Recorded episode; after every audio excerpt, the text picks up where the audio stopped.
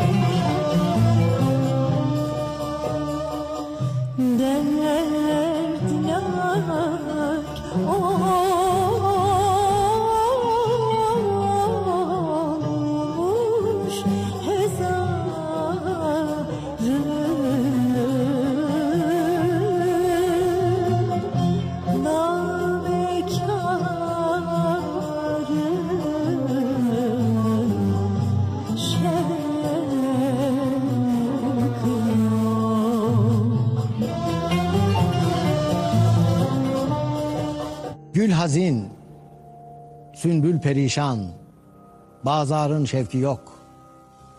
Dertnak olmuş, hezarı namekarın şevki yok. Başka bir haletle çağlar, cuybarın şevki yok. Ah edip inler, nesimi bir kararın şevki yok. Geldi ama neyleyim, sensiz baharın şevki yok. Farkı yoktur girgeden, Ruhi çemende jalenin, Huni hasretle dolar camı sefası lalenin, Meh bile gayretle ağuşunda ağlar halenin, Gönlüme tesiri olmaz, ateşi ise yalenin, Geldi ama neyleyim, sensiz baharın şevki yok. Ruha verdikçe peyamı hasretin her bir sehap, Cana geldikçe temaşayı ufuktan piçutap, İhtizaz eyler çemen, ishar eder bin ızdırap. Hem tabiat münfail hicrində, hem gönlüm harap. Geldi ama neyleyim, sensiz baharın şevki yok. Modern Türk Edebiyatı'nın girişi her zamankinden farklı oldu. Hayatın şevki yok dedi Recaizade Mahmud Ekrem Bey. Evvela Melahat Gülses'ten dinlediniz. Arkasından da İsmet Özel seslendirdi. Şevki elbette olmayacak. En ağır imtihanıydı çocuklar çünkü. Ahmet Hamdi Tanpınar'ın ifadesiyle kaderin onun ilhamından şiirin tam sesini koparabilmek için bu talihsiz babayı üst üste denediği Recaizade Ekrem Evliliğinden iki yıl sonra bir kız babası olur. Doğduğu gün hayata gözlerini kapayan Fatma Piraye. Ekrem Bey'in yıllar sonra yazdığı Tahassür başlıklı mersiyesinin kahramanıdır. Bir mezar taşı dahi olmayan çocuğun 15 yıl sonra dahi ağlayarak anıldığı Piraye için Ali Ekrem Bolayır yaşasaydı gelinlik kız olacaktı der eserinde. Çocuğunun mezarını yıllar sonra ziyaret etmek isteyen Ekrem Bey kızına olan vefasızlığını Zemzeme'nin ilk cildinde itiraf ederken gözünün önüne gelen iki damla yaşı siler. Ekrem Bey'in ikinci çocuğu Sunullah Emcet. En küçük kardeşi Ercüment Bey'in verdiği bilgiye bakılırsa bir buçuk yaşında dadısının bir dikkatsizliği yüzünden sakat kalmış. Ancak Recaizade Ekrem Bey oğlunun hastalığında bir dadı dikkatsizliğinden değil de 3 aylıkken geçirilen havaleden bahsetmekte. Bu talihsiz çocuk 20 yıllık ömründe yatağa mahkum bir hayat geçirir. Diğer taraftan onun üçüncü çocuğu olan Mehmet Nicat'a düşkünlüğünü de burada izah eder Ekrem Bey. Ona göre hatıralarında yer veren hemen her isim Nicat Ekrem'e sanatkarın düşkünlüğünden bahsederler. Ancak sanatkarın bu düşkünlüğünün asıl sebebinin ise çocuğunun zekasında ve yeteneğinde görmektedirler. Tefekkürdeki yazısının başında oğluna bilir misin ki ben seni kardeşin Nicat'tan aşağı sevmedim diye hitap eden Ekrem Bey bir başka yazısında Nicat Ekrem'e düşkünlüğünün asıl nedenini anlatmaktadır. Sanatkara göre biri doğduğu gün ölen, diğeri 20 yıl boyunca tek kelime etmeden iki evladına evladında göremediklerini Nicat Ekrem'de görmüştür. Nicat Ekrem'in doğumundan 3 yıl sonra Ekrem Bey'in dördüncü ve son çocuğu olan Ercüment Ahmet Kemal Kasım 1888'de dünyaya geliyor. İlk iki çocuğundan sonra Nicat'la dünyaya Ekrem Ekrem Bey için Ercüment Bey'in doğumu oldukça farklıdır. Zira onun gözünde asıl çocuk daima Nijat olmuştur. Muhtemeldir ki bunu etrafındaki herkese hissettirmiş. Zira Ekrem Bey'in evine giren, sohbetlerine dahil olan herkes Nijat'a olan ilgiyi anlatır. Öte yandan Ekrem Bey Nijat'a duyulan farklı sevgiyi Ercüment Ekrem Bey'e de hissettirmiş olacak ki Ercüment Ekrem doğumuyla ilgili şu anekdotu nakleder. Babam evde yokmuş. Bir gece evvelden turne ile ilk defa Türkiye'ye gelen meşhur Fransız artisti Sarah Bernhardt'ı görmek için şehirde kalmış. Zaten sevgili babacığımın günahına girmeyeyim ama sevgili Nijad'ının üstüne gelecek, ona vakfedilmiş sevgiyi ikiye bölecek bir evladın doğumunda olsun bulunmamakla sevgili Nijad'ına galiba bir cemile iste yapmak istemiş olacaktı. Neyse geç vakit o da gelmiş. Beni kucağına vermişler, almış, bakmış ve beğenmemiş. Zira onun nazarında tek çocuk Nijat. Zaten Nijat da kardeşini beğenmemiş. Bir çocuğun kendinden önce gelenleri kıskanması tabii bir durum ve bunun sezildiği bu satırlarda Ekrem Bey'in haksızlığa uğradığını söylemek zordur. Zira az evvel ifade edildiği üzere hiçbir çocuğunu diğerinden az sevmeyen, ölümünden 15 yıl sonra dahi çocuğunun mezarını arayıp ağlama ihtiyacı hisseden bir babaya mukabil diğer taraftan kendisine pek çok ilgi yaşattığı oğluna olan sevgisi ve ona karşı hissettikleri ortadadır. Ama bununla beraber Ekrem Bey hayatta olan bu iki oğlunun eğitimiyle elinden geldiği kadar meşgul olmuştur. Onların geleceklerini kurma yolunda devrine göre oldukça ilgili bir babayı, ilgili bir baba olmayı başarabilmiştir. Namık Kemal'in ağır hasta olduğu dönemde doğan Ercüment Ekrem Bey'in adı öncelikle Kemal olarak belirlenir. Ardından Peygamber Efendimiz'e izafeten Ahmet ve son olarak ailenin duyulmamış, işitilmemiş bir ad koymak adeti üzerine Ercüment ismi verilir. Ekrem Bey'in bu ilgisi çocukların üzerindeki tesirini göstermekte gecikmemiş. Her iki oğlu da hem tahsilleri hem de olgunlukları noktasında kendilerini hayran bırakmaya başlamışlardır. Ekrem Bey'in müsait olmadığı zamanlarda misafir ağırlamak, misafirlere yemekte babaları adına vekalet etmek, Şevki Bey, Tamburi, Cemil Bey gibi isimler yalıda misafir olduklarında mecliste bulunmak gibi pek çok zamanda babalarının yanında olan bu iki çocuğun Ekrem Bey'in nazarında nasıl bir mertebede bulunduklarını tahmin etmek zor değil. Nicat Ekrem çok küçük yaşlardan itibaren bir takım hastalıklarla mücadele etmek zorunda kalıyor. Öte yandan doktorların bu hastalık karşısındaki çaresizliği ve Ekrem Bey'in adını anmaktan dahi korkarak malum hastalık dediği kara humma günden güne genç delikanlıyı yoruyor ve Nijat Ekrem nihayet 17 Şubat 1315 yani 1 Mart 1900 tarihinde henüz 16 yaşındayken hayata gözlerini kapıyor. Ekrem Bey'in en üretken olduğu zemzemelerin, takdiri elhan ve talim edebiyatın yazıldığı, araba sevdasının tefrika edildiği bu yıllardan sonra Ekrem Bey artık daima mütefekkir, daima felaketin vukuunda bulunmak hissini veren bir simayı elem taşıyacak. Ekrem Bey'in oğlu Nicat öldüğünde bütün bir serveti fünun ailesi olarak üstadı teselli etmeye çalıştıklarını aktarıyor Ahmet İhsan.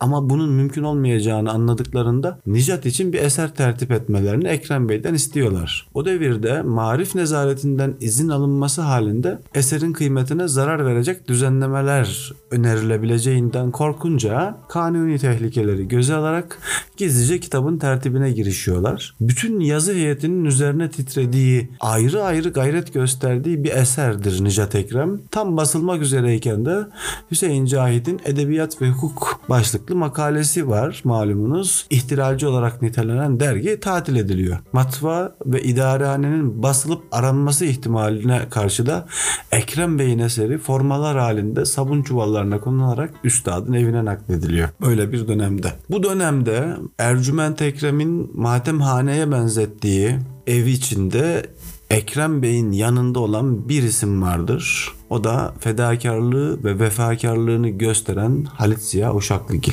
En ağır imtihan dememizin sebebi de tam olarak bu. Sağlığında dört çocuğunun üçünün kendisinden evvel hayata gözlerini yumduğunu görüyoruz. Öte taraftan bir baba olmasının yanında hem başarılı bir öğrenci hem disiplinli bir hocadır Ekrem Bey.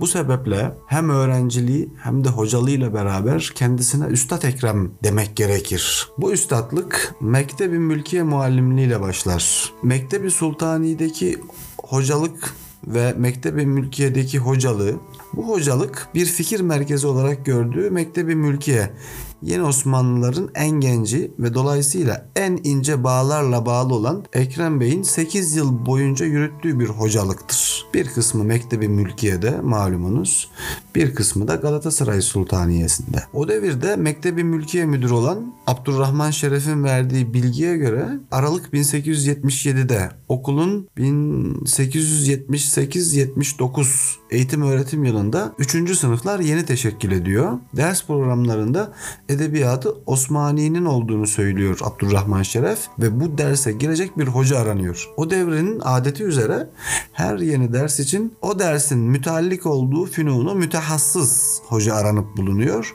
ve o kişiden derse girmesi rica ediliyor. O devirde bu iş için en uygun isim Ekrem Bey. Uzun zaman istemese de bu teklifleri geri çevirse de tarzı cedid üzere bir dersin başlangıcının önemli olduğunu söyleyen Abdurrahman Şeref Ekrem Bey'i ikna ediyor. Yalnız dersleriyle değil, sözleriyle, tavrıyla, kıyafetiyle, öğrenciye olan muamelesiyle büyük saygı kazanıyor. Diğer taraftan aynı saygıyı kendisi de göstererek stresinin önünü iliklemeden derse girmeyen bir Ekrem Bey var karşımızda. Ama derslerinde çıt çıkmasını istemeyen disiplinli bir hoca. Tevfik Fikret'in Mart 1886 tarihli Servet-i Fünun'un 258. sayısında araba sevdasının tefrikasını takdim eden bir yazı kalemi aldığını görüyoruz. Yani hoca o dönemde talebeleri tarafından el üstünde de tutuluyor. Üstadlığı sadece girdiği okullarda, derse girdiği okullarda değil, diğer okullarda da sık sık anılır olacak. Bu hocalık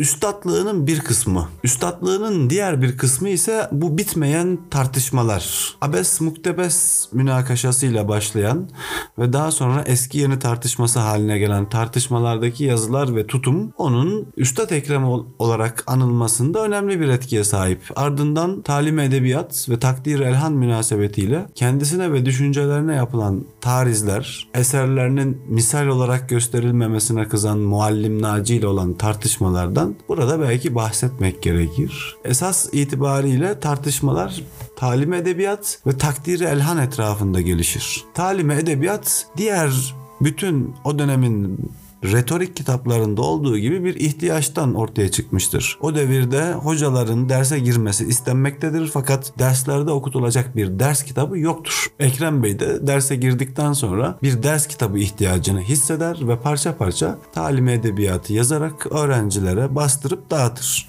Tabii ki bu da dağıtılan nüshalar, formalar elden ele dolaşmaktadır. Bir taraftan da o dönemde sürgünde olan Namık Kemal'e gönderildiğini bu nüshaların Ekrem Bey tarafından onun fikirlerinin alındığını vesaireyi biliyoruz. Ama öbür taraftan Ahmet Cevdet Paşa'nın Belagat-ı Osmaniyesi'nin yeni çıktığını ve Ekrem Bey'in talim edebiyatı ile beraber gözden düşmeye başladığını söylememiz lazım. Ali Ekrem Bolayır Namık Kemal'in oğlu siyaseti zaman ve ebnai zaman ile mücadele etmek der buna. Ahmet Cevdet Paşa hem talim edebiyatın önüne bir takriz yazısı yazmış ama öbür taraftan da Elhac İbrahim Efendi ile birlikte arka planında olarak ön tarafa Elhac İbrahim Efendi'yi sürerek ona ısmarlama makaleler yazdırmıştır. Elhac İbrahim Efendi'nin yazdığı makalelerin pek çoğunun gramer hadiseleri üzerine olduğunu biliyoruz. Toplam 82 makale yazılmış yazılmış ve 24 gün devam etmiştir bu tartışma.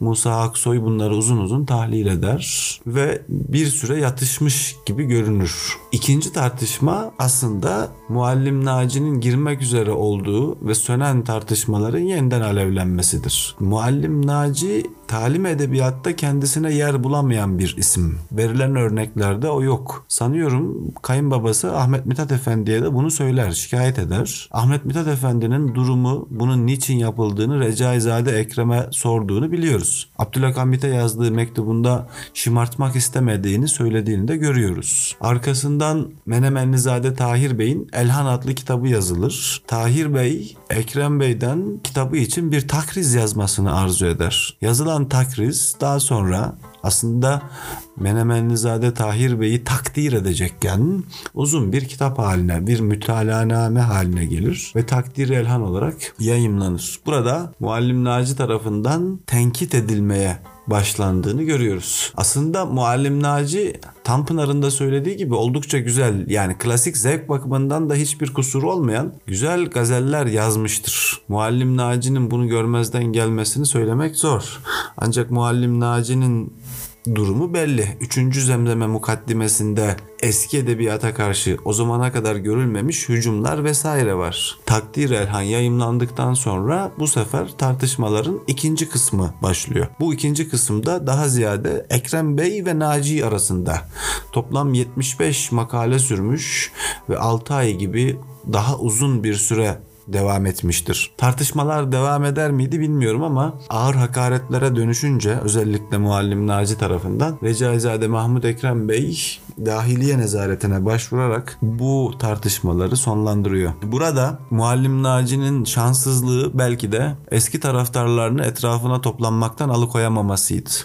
Öbür taraftan Recaizade Ekrem Bey'in söz konusu tartışmalar esnasında neredeyse söylenen her şeye cevap verdiğini, odasına kapanıp söylenenlere, yazılara uzun uzun cevaplar yazdığını vesaireyi biliyoruz. 66 yıllık ömrü ve bu ömrün büyük bir kısmı en yakınındakilerin vefatına tanıklık edip üzülmekle geçirilmiş bir ömür Recaizade Ekrem'inki. Bu sebeple eserlerinde büyük bir melal, büyük bir hüzün var ve bu hüznü terennüm etmekten kendini alamamış. Yaşamına tanık olmuş pek çok ismin mizacına dair ittifak ettikleri hususiyet durgun, vakur ve hatta özetle flagmatik yani ağır kanlı olarak tasvir ediyor. Ancak daha yakınına gelebilmiş olanlar onun zarif, nazik ve hassas bir gönlüyle derhal karşılaşmışlardır. Tevfik Fikret de Üstad Ekrem'in hususiyeti ruhiyesini ancak iki kelimeyle hülasa edebiliriz der. Tefekkür ve melal. Aşağı yukarı aynı şeye dikkat ediyorlar. Ercüment Ekrem Talu babasının son günlerini şöyle özetliyor. Bununla birlikte podcast'in bu bölümünü de bitirmiş olalım. Nihayet hasta oldu. Yani kendisini öldüren marazı melunun ilk tesiratını gördü. Bir gün ben hastaydım, yatıyordum, odama geldi. Birkaç günden beridir kendisinde bir fenalık hissettiğini ve artık kariben bize veda etmesi muhtemel olduğunu söyledi. Biz onu temin etmek istedik. Sureta kanar gibi oldu. Bir ay böyle geçti. Kanuni Sani'nin 16. Perşembe sabahı henüz güneş doğarken yattığım odanın kapısı şiddetle vuruldu. Kalkıp açtım. Kapıyı vuran hizmetçi beyefendi rahatsız oldu sizi istiyor dedi. Babacığımın yanına gittiğim zaman pek bir hitap gördüm. Kollarına biraz ağrı gelmiş. Nefesi daralmış olduğunu beyandan sonra evladım dedi. Bu illet beni götürecek biliyorum. Mezarda benim ruhumu şahit etmek istersen şu çekmecede evvelce yazıp bıraktığım vasiyetlerimi harfiyen icra et. Hizmeti devlette doğruluğu menfaatine daima tercih et. Vatan için icap ederse öl. Evladına bırakacağın nam temiz olsun. Kesik kesik söylüyor. Istıraptan yüzünde işmizazlar görülüyordu. O gün hali vehamet kesbetti. ıstırabatı arttı. Gece gelen tabip kat ve ümit eylemiş olacak ki kaçamaklı sözler ile bana metanet tavsiye etti. O gece an be an neticeyi vehimeye muntazır olarak sabahı etti. Sabah oldu. Hastamızın hali iyileşmiş gibi görünüyordu. Merhumu samimi bir evlat muhabbetiyle seven komşumuz Doktor Kilisli Rifat Bey geldi. Bugün evvelkine nispeten marizin halinde büyük bir fark gördü ve bize biraz ümit verdi. Teneffüs biraz daha muntazam oluyordu. Istırap çok azalmıştı. Merhum bizi refikamla beni taltif etti. Yanına oturttu. Şundan bundan görüştü. Öğleye doğru Peyam'ın Tefrikayı Edebiyesini cehren okumaklığımı istedi. O hafta Peyam Ali Kemal Bey'in Ömrüm namıyla neşrettiği hatıralar hatıra kısmında Mektebi Mülkiye'den, babamın hocalığından, Naci merhum ile aralarında geçen maceradan bahsediyordu. Babacığım gözlerini kapamış. Ben okudukça vukuatı hayalen takip ediyordu. Kıraatı bitirdim.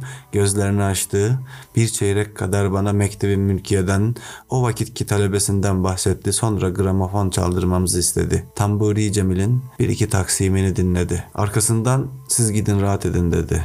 Ve bu cümleyi musırran tekrar etti. Odalarımıza çekildik, uyuduk. Keşke ben uyanmasaydım. Sabahleyin babamın hizmetine şitap eden Refikam onu ölmüş olarak buldu. Feryadıyla uyandım, koştum. Artık ben de yetimdim.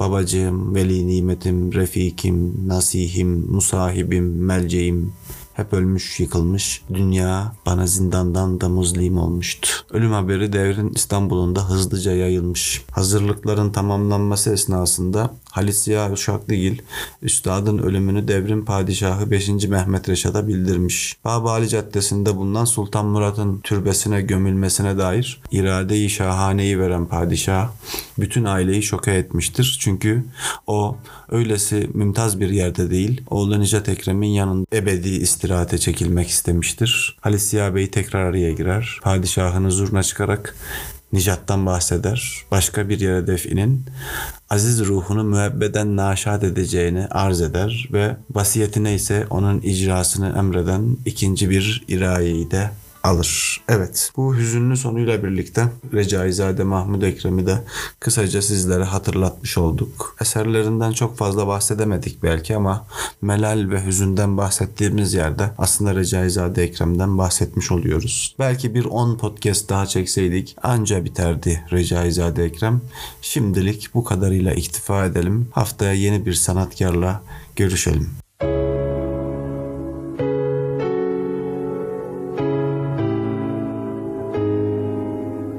Modern Türk Edebiyatı okumaları.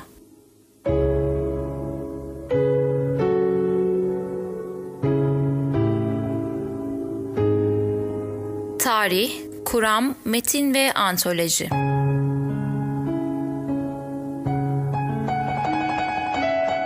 Hazırlayan ve sunan Doçent Doktor Selçuk Atay.